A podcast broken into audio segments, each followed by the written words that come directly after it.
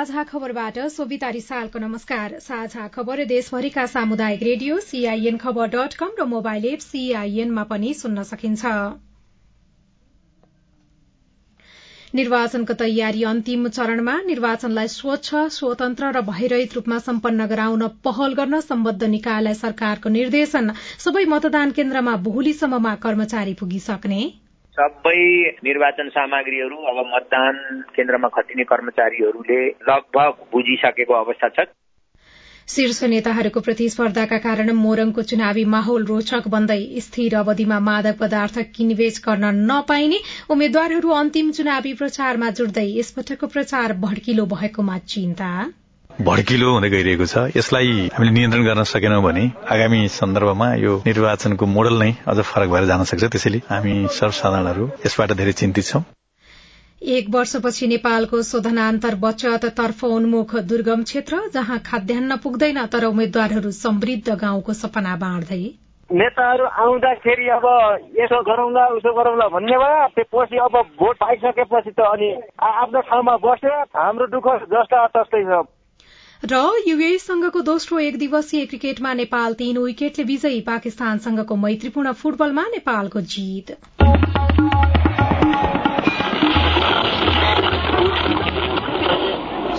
Radio. हजारौं radio कर्मी र करोड़ौं नेपालीको माझमा यो हो सामुदायिक सूचना नेटवर्क सीआईएन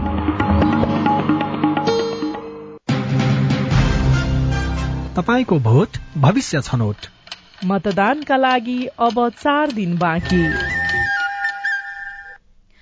नागरिकलाई प्रभावकारी ढंगले सेवा प्रवाह गर्नु राज्यको प्रमुख दायित्व हो। तर नेपालमा सार्वजनिक सेवा प्रभावकारी नभएको गुनासो सुन्नमा आइरहन्छ। देशमा असल शासनको अनुभूति गराउन पहिला सार्वजनिक सेवा सहज र चुस्त बनाइनुपर्छ। सरकारी सेवाको गुणस्तर सुधार्न सरकारले ठोस रूपमा नीतिगत योजना नै बनाउनुपर्छ। अब खबर अविनाश आचार्यबाट। मंगिर चार गते हुने निर्वाचनको तयारी अन्तिम चरणमा रहेको निर्वाचन आयोगले जनाएको छ। आयोगका अनुसार निर्वाचनमा खटिने सबै कर्मचारी भोलिसम्म मतदान केन्द्रमा पुगिसक्नेछन्। यातायातको सहज पहुँच नभएका कतिपय मतदान केन्द्रमा भने कर्मचारीहरू पुगिसकेको आयोगको भनाइ छ। सीआईएनसँग कुरा गर्दै आयोगका प्रवक्ता शालिग्राम शर्मा पौडेलले भोलिसम्म नै निर्वाचनका लागि आवश्यक सामग्रीहरू सबै मतदान केन्द्रमा पुग्ने बताउनुभयो। सबै निर्वाचन सामग्रीहरू अब मतदान केन्द्रमा खटिने कर्मचारीहरूले लगभग बुझिसकेको अवस्था छ। केही नजिकै जहाँ उही दिन हिँडेर पनि पुगिने अवस्था छ त्यस्तोमा सायद कतिपय ठाउँमा भोलि पनि बुझ्ने कामहरू बाँकी छ। भोलि बुझ्नु होला जो भोलि गएर पनि पुगिने अवस्था छ त्यहाँ चाहिँ भोलि नै हिँड्नुहुन्छ।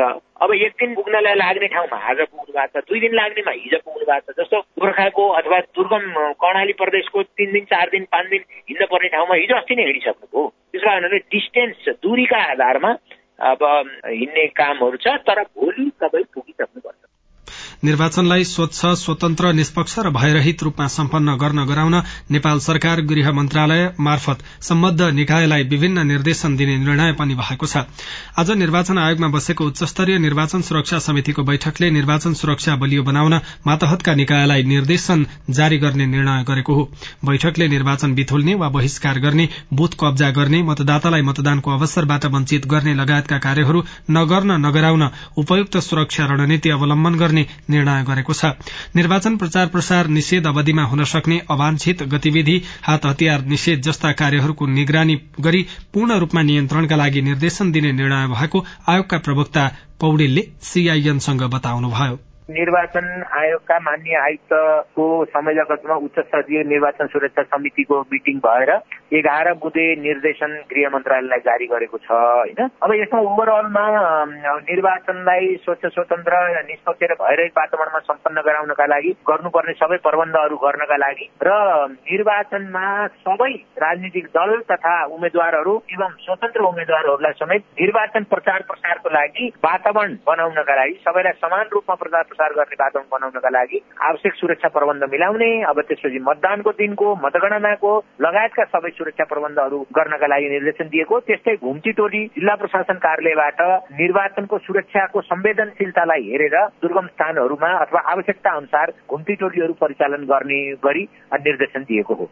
बैठकले निर्वाचनको मितिभन्दा अड़चालिस घण्टा अगाडिदेखि निर्वाचनको अन्तिम परिणाम घोषणा नभएसम्म मादक पदार्थ बिक्री वितरण तथा सेवनमा प्रतिबन्ध लगाउने समेत निर्णय गरेको छ। निर्वाचन सुरक्षाका लागि प्रत्येक मतदान केन्द्रमा तीस मिनट भित्र पुग्न सक्ने गरी सेनालाई तयारी अवस्थामा राख्न निर्देशन दिने निर्णय समेत बैठकले गरेको छ। निर्वाचन सम्पन्न भएपछि मतपत्र सहितको मतपेटिका ढुवानी सम्बन्धी कार्ययोजना तयार गरी कार्यान्वयन गर्ने।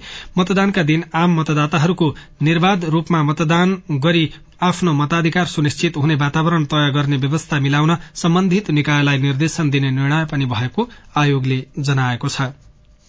निर्वाचन आयोगले सुनसरी जिल्लाको प्रदेशसभा सदस्य निर्वाचन क्षेत्र नम्बर चारको दुईमा लोकतान्त्रिक समाजवादी पार्टी नेपालका उम्मेद्वार सन्तोष कुमार मेहताको उम्मेद्वारी स्वतः बदर हुने निर्णय गरेको छ। यससँगै मेहताको उम्मेद्वारी खारेज भएको छ। आयोगले प्रदेशसभा सदस्य निर्वाचन ऐन दुई हजार त्रिहत्तरको दफा तेह्रको खण्ड च बमोजिम मेहताले बहुविवाह सम्बन्धी कसुरमा कैदको सजाय पाई त्यस्तो सजाय भुक्तान गरेको मितिले तीन वर्ष पूरा नभएकाले मेहताको उम्मेद्वारी प्रदेशसभा सदस्य पदका लागि अयोग्य ठहर गरेको हो। आयोगका अनुसार मेहताले आफू अयोग्य नभएको भनी सो घोषणा गरेकोमा आफ्नै घोषणाको प्रतिकूल हुने गरी प्रदेशसभा सदस्यको उम्मेद्वारी मनोनयन गरेको समेतका आधारमा उम्मेद्वारी बदर गरिएको हो।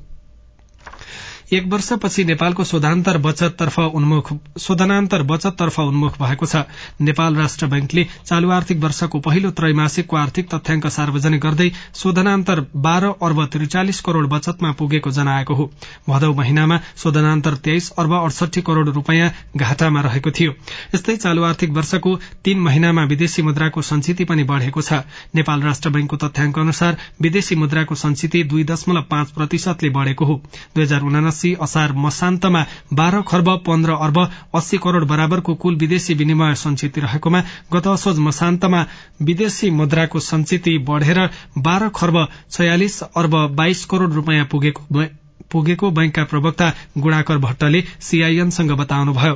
गत तीन महिनामा नेपालमा रेमिट्यान्स पनि वृद्धि भएको छ। नेपाल राष्ट्र बैंकको तथ्याङ्क अनुसार रेमिट्यान्समा सोह्र दशमलव आठ प्रतिशतले वृद्धि भएको हो। यसैबीच गत तीन महिनामा वैदेशिक रोजगारीका लागि अन्तिम श्रम स्वीकृति लिने नेपालीको संख्या पनि बढ़ेको छ। बैंकको आर्थिक प्रतिवेदन अनुसार एक सय तेइस दशमलव एक प्रतिशतले वृद्धि भई एक लाख सत्तालिस हजार नौ सय बत्तीस पुगेको छ। त्यसै गरी वैदेशिक रोजगारीका लागि पुनः श्रम स्वीकृति लिने नेपालीको संख्या पनि छैसठी दशमलव दुई प्रतिशतले वृद्धि भएको छ। गत तीन महिनामा सन्ताउन्न हजार आठ सय एकसठी जनाले वैदेशिक रोजगारीका लागि पुनः श्रम स्वीकृति लिएका छनृ। गत तीन वर्षमा एक लाख उन्नाइस हजार सात सय बीस जना बिरामीले घातक रोग उपचारका लागि सरकारले दिने सहुलियत सेवा लिएका छन्। आर्थिक वर्ष दुई हजार छिहत्तर सतहत्तरमा चौन्न हजार आठ सय सैतिस जनाले उपचार सेवा लिएका छन् भने सतहत्तर अठहत्तरमा यो संख्या घटेर उन्तिस हजार तीन सय छयालिस पुगेको थियो। गत आर्थिक वर्षमा भने पैंतिस हजार पाँच सय सैतिस जनाले सो सेवा लिएको नर्सिङ तथा सामाजिक सुरक्षा महाशाखाले जनाएको छ।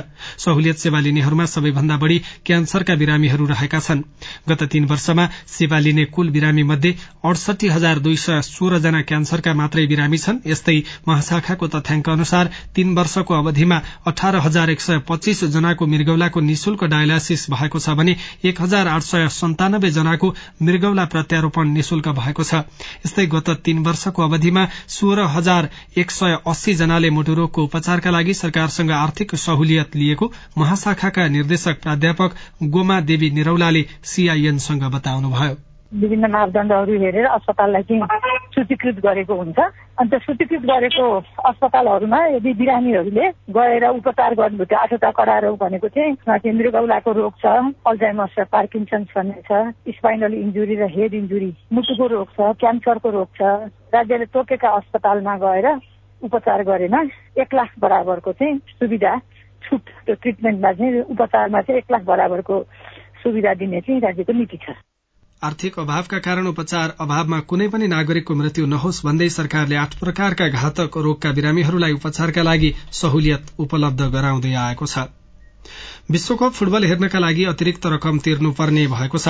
मीडिया हब प्रालीले विश्वकप हेर्नका लागि दर्शकसँग अतिरिक्त शुल्क लिन पाउने भएको हो। आज सर्वोच्च अदालतका न्यायाधीश द्वय प्रकाश कुमार ढुंगाना र मनोज कुमार शर्माको संयुक्त इजलासले यसअघि कार्तिक बाइस गते जारी अल्पकालीन अन्तरिम आदेशलाई निरन्तरता नदिन आदेश गरेको छ। सर्वोच्च अदालतले विश्वकप हेर्नका लागि दर्शकसँग अतिरिक्त शुल्क नलिन अल्पकालीन अन्तरिम आदेश जारी गरेको थियो। साझा खबरमा अब खेल खबर। नेपालले मैत्रीपूर्ण खेलमा पाकिस्तान विरूद्ध जीत हात पारेको छ। काठमाडौँको त्रिपुरेश्वर स्थित दशरथ रंगशालामा आज भएको खेलमा नेपालले पाकिस्तानलाई एक शून्यले हराएको हो। नेपाललाई जित दिलाउन अञ्जन विष्टले निर्णायक गोल गर्नुभयो। खेलको बयासी मिनटमा सुनिल बलको लामो पास सदुपयोग गर्दै अञ्जनले उत्कृष्ट गोल गर्नुभएको हो। नेपालको लागि अञ्जनको यो एघारौं अन्तर्राष्ट्रिय गोल हो। र युएसँगको दोस्रो एक दिवसीय क्रिकेटमा नेपाल तीन विकेटले विजयी भएको छ। किर्तिपुरमा एक सय बयानब्बे रनको लक्ष्य नेपालले तेह्र बल बाँकी छँदै सात विकेट गुमाएर पूरा गरेको हो। आजको जितसँगै तीन खेलको श्रृंखला एक एकको बराबरीमा पुगेको छ। नेपालको जितमा गुलसन झाले सैतिस कुशल भुर्तेलले पैंतिस अरिफ शेखले अभिजित तेत्तीस र ज्ञानेन्द्र मल्लले छब्बीस रन बनाउनुभयो। छ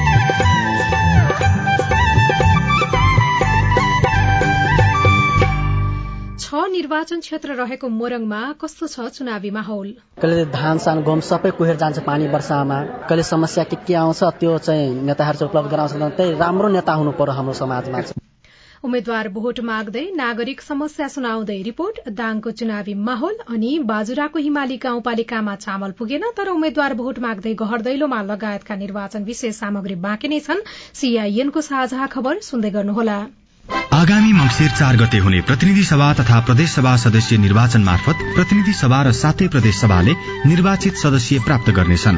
मतदाता नामावलीमा नाम दर्ता भई मंगिर तीन गते अठार वर्ष उमेर पुग्ने नेपाली नागरिकले मंगिर चार गते आइतबार बिहान सात बजेदेखि बेलुका पाँच बजेसम्म मतदान गर्न सक्नेछन्। मतदाताले प्रतिनिधि सभाका लागि पहिलो हुने निर्वाचित हुने निर्वाचन प्रणालीतर्फ एक मत र समानुपातिक निर्वाचन प्रणालीतर्फ एक मतका साथै प्रदेश सभाका लागि पनि पहिलो हुने निर्वाचित हुने निर्वाचन प्रणालीतर्फ एक मत र समानुपातिक निर्वाचन प्रणालीतर्फ एक मत गरी छुट्टा छुट्टै चारवटा मतपत्रमा एक एक छाप लगाउनु पर्नेछ निर्वाचनमा मतदान मार्फत आफूले चाहेको प्रतिनिधि छान्न सकिने हुँदा यो महत्वपूर्ण छ। त्यसैले सक्षम इमान्दार र योग्य उम्मेद्वारलाई मतदान गरी मताधिकारको सदुपयोग गरौं।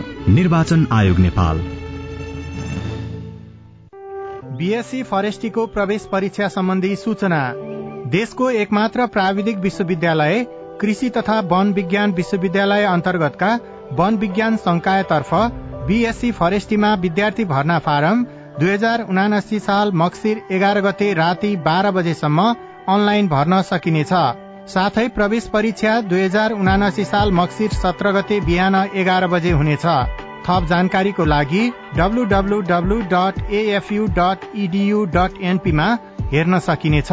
सम्पर्क फोन नम्बर शून्य सन्ताउन्न पाँच तेइस दुई सय अडचालिस सामाजिक रूपान्तरणका लागि यो हो सामुदायिक सूचना नेटवर्क सीआईएन तपाई सामुदायिक सूचना नेटवर्क सीआईएनले तयार पारेको साझा खबर सुन्दै हुनुहुन्छ। सल्यानमा मंगिर चार गते हुने चुनावका लागि छनौटमा परेका तीनजना कर्मचारी कार्यवाहीमा परेका छन्। आचार संहिता विपरीत काम गरेको भन्दै मतदान अधिकृत सहायक मतदान अधिकृत सहित तीनजना कार्यवाहीमा परेका हुन्। बनगाड कुविन्डे नगरपालिकाको कुविन्डेश्वरी प्रावि मतदान केन्द्रका मतदान अधिकृत बागचौ नगरपालिकाका प्रमुख प्रशासकीय अधिकृत कालिका प्रावि कजेरीमा सहायक मतदान अधिकृतमा नियुक्त गरिएका शिक्षक र नव सर्वसाधारण प्रावि रातमाटा ख दार्मामा परेका सहायक मतदान अधिकृत रहेको मुख्य निर्वाचन अधिकृतको कार्यालय सल्यानले जनाएको रेडियो शारदा सल्यानले खबर पठाएको छ। मोरङ नेपाली राजनीतिको लागि महत्वपूर्ण जिल्ला मानिन्छ। मोरङबाट चुनाव जितेर पटक पटक प्रधानमन्त्री हुने र मन्त्री हुनेहरूको सूची लामै छ। अहिले पनि मोरङमा शीर्ष नेताहरूको प्रतिस्पर्धा रहेको छ जसका कारण मोरङ चासोको जिल्ला पनि बनेको छ। छ निर्वाचन क्षेत्र रहेको मोरङमा सात लाख पैंतिस हजार पाँच सय पच्चिस मतदाता रहेका छन् जहाँ क्षेत्र नम्बर एकमा सत्ता पक्ष गठबन्धनबाट नेपाली कांग्रेस जिल्ला सभापति डिक बहादुर लिम्बु र एमाले जसपा गठबन्धनबाट घनश्याम खतौडा बीच मुख्य प्रतिस्पर्धा हुने देखिएको छ। चौरात्तरको निर्वाचनमा लिम्बुलाई हराएर खतौडा विजय हुनुभएको थियो। लिम्बु यसपटक नतिजा उल्टाउने दावी गर्नुहुन्छ। खतौडा यसपटक पनि जित आफ्नै पक्षमा पार्न चाहनुहुन्छ। कांग्रेसका तत्कालीन सभापति स्वर्गीय नेता गिरिजा प्रसाद कोइराला क्षेत्र नम्बर दुईबाट पटक पटक चुनाव जितेर प्रधानमन्त्री समेत बन्नुभयो। यसपटक उहाँकै छोरी सुजता कोइराला सत्ता गठबन्धनबाट उम्मेद्वार बन्नुभएको छ। सुजताको मुख्य प्रतिस्पर्धा एमाले जसपा गठबन्धनबाट ऋषिकेश पोखरेलसँग हुँदैछ। दुवै पक्षले जित्ने उपाय खोजिरहँदा नागरिक भने काम गर्ने उम्मेद्वारलाई चुन्ने बताउँछन्। जनताको समस्या त जनताहरू पीडितमा पर्छ कहिले गहुँ मिल्दैन कहिले खाद मल मिल्दैन।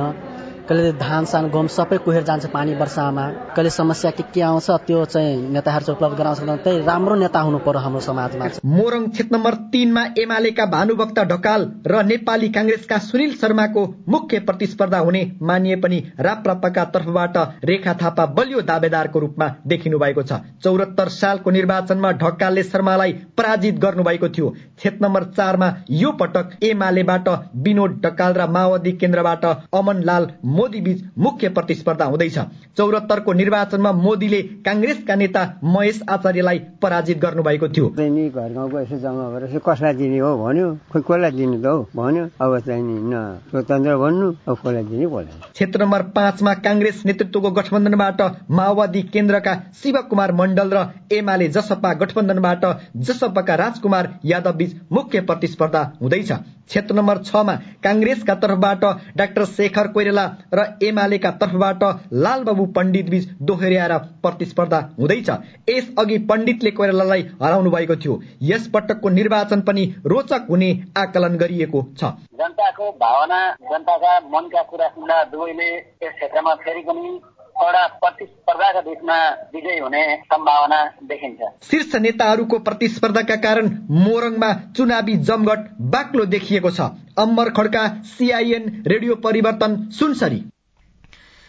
मतदानको दिन नजिकिँदै गर्दा उम्मेद्वारलाई प्रचार प्रसारको दबाव पनि बढ़िरहेको छ। उम्मेद्वार तथा दलले मंगिर एक गते मध्यरातीबाट प्रचार प्रसार गर्न भोलिबाट पाउनेछैनन् त्यसकारण पनि उनीहरू जतिसक्दो धेरै मतदाताको घर दैलोमा पुग्ने दबावमा छन्। तर भोट माग्न आँगनमा आइपुगेका उम्मेद्वारले के भन्छन्?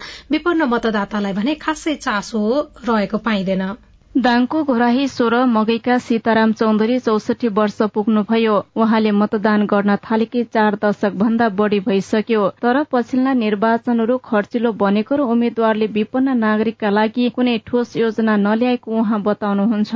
नो भोटको सिस्टम भइदियो भए आधा भन्दा धेरै नो भोटमा भोट हाल्ने जस्तो लाग्छ मलाई। निराश छ। एकदम नजान्ने किसानहरू पनि चासै छैन कि केही पनि छैन। मतदाताको घर दैलोमा पुगेका धेरै जसो उम्मेद्वार उम्मेद्वारसँग निर्वाचन क्षेत्र विकासको खास योजना छैन। उनीहरू सड़क पुल बिजुली खानेपानी जस्ता विषयलाई एजेण्डा बनाएर टोल टोलमा मत मागिरहेका छन्। तर मतदाता उम्मेद्वारका त्यस्ता प्रतिबद्धता पूरा हुनेमा विश्वस्त छैनन्। प्युठान एकका सिद्धिमान जीसी।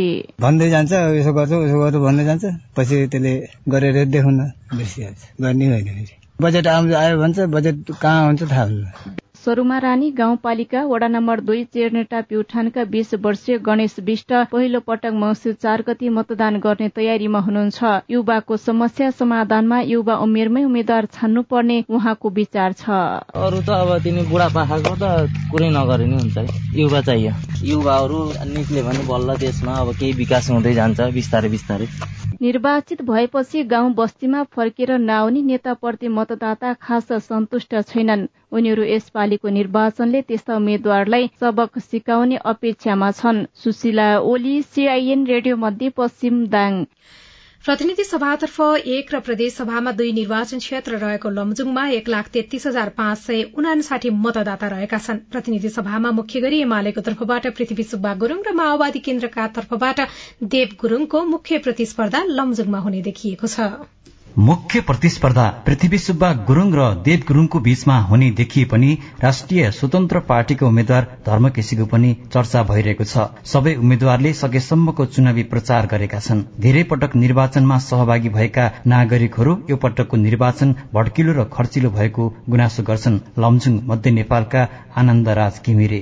निर्वाचन अहिले हामीले देख्दैछौ विगतका चुनावहरू भन्दा चुनाव निकै खर्चिलो भड्किलो हुँदै गइरहेको छ। यसलाई हामीले नियन्त्रण गर्न सकेनौं भने आगामी सन्दर्भमा यो निर्वाचनको मोडल नै अझ फरक भएर जान सक्छ। त्यसैले हामी सर्वसाधारणहरू यसबाट धेरै चिन्तित छौं। प्रचार गर्ने समय सकिने लाग्दा पनि उम्मेद्वारहरूले अन्तिम प्रयास गरिरहेका छन्। घर दैलो सामाजिक सञ्जालदेखि संचार माध्यमसम्ममा खर्च गरेर आफ्नो प्रचार गर्ने क्रम लमजुङमा बढ़ी देखिएको छ। बेसी सहरका कमल बहादुर अधिकारी। अहिले हामीलाई यस्तो नेता चाहिएको छ जनतालाई चिन्ने र लमजुङको विकास गर्ने विकास प्रेमी नेता चाहियो। लमजुङमा प्रतिनिधि सभातर्फ नौजना उम्मेद्वार चुनावी मैदानमा रहेका छन्। यस्तै प्रदेशसभा कतर्फ पाँचजना र खतर्फ छजना उम्मेद्वार बीचमा प्रतिस्पर्धा हुने देखिएको छ। प्रदेशसभा कतर्फ नेपाली कांग्रेसका जिल्ला सभापति डाक्टर टकराज गुरूङ र नेकपा एमालेका केन्द्रीय सदस्य जमिन्द्रमान घले तथा खमा नेपाली कांग्रेसका निवर्तमान सभापति भेषबहादुर पौडेल र नेकपा एमालेका जिल्ला अध्यक्ष कृष्ण प्रसाद अधिकारी बीच प्रतिस्पर्धा हुने देखिएको छ। नागरिक जितेर आउनेबाट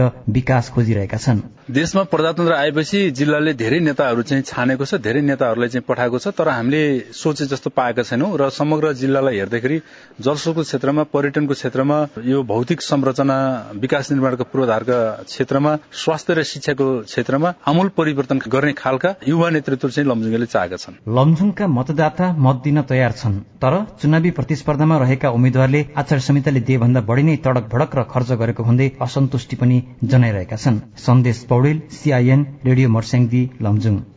तपाई सामुदायिक सूचना नेटवर्क सीआईएनले काठमाण्डुमा तयार पारेको साझा खबर सुन्दै हुनुहुन्छ। साझा खबर मोबाइल एप नेपाली पात्रबाट पनि सुनिरहनु भएको छ। बाजुराको हिमाली गाउँपालिकामा चामल पुगेन तर उम्मेद्वार भने भोट माग्न घर दैलोमा। नेताहरू आउँदाखेरि अब यसो गरौँला उसो गरौँला भन्ने भयो त्यसपछि अब भोट पाइसकेपछि त अनि आफ्नो ठाउँमा बस्यो। हाम्रो दुःख जस्ता तस्तै छ। भट्केको भट्कै छ। चुनावको बेलामा मात्रै गाउँ आएको नागरिकको गुनासो रिपोर्ट। सरकारले तोकेको धानको समर्थन मूल्यप्रति किसानको असन्तुष्टि लगायतका विशेष सामग्री बाँकी नै छ। सीआईएनको साझा खबर सुन्दै गर्नुहोला।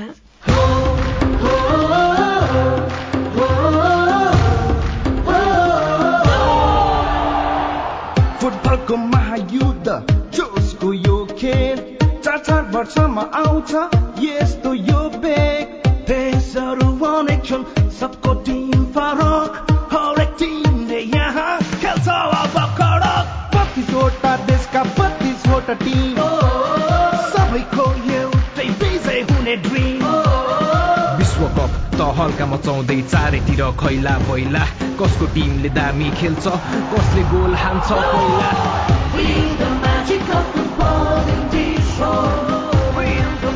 विश्वकप फुटबलको म्याजिक खेल्नुहोस् देशमा लाइभ रूपांतरण का लागि यो हो सामुदायिक सूचना नेटवर्क सीआईएन तपाई सामुदायिक सूचना नेटवर्क सीआईएनले काठमाण्डुमा तयार पारेको साझा खबर सुन्दै हुनुहुन्छ।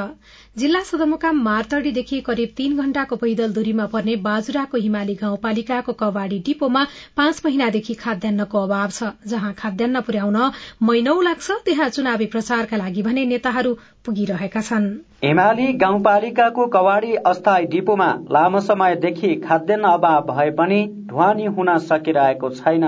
सरकारले आवश्यकता अनुसारको चामल पुर्याउन नसकेपछि असारदेखि कवाड़ी डिपोमा खाद्यान्न अभाव भइरहेको छ। यहाँका नागरिकले दशैं तिहार जस्ता चाडपर्व पनि अड्कलेको चामलको भरमा मनाएका छन्। हिमाली गाउँपालिका दुईका धनरोप बुढा।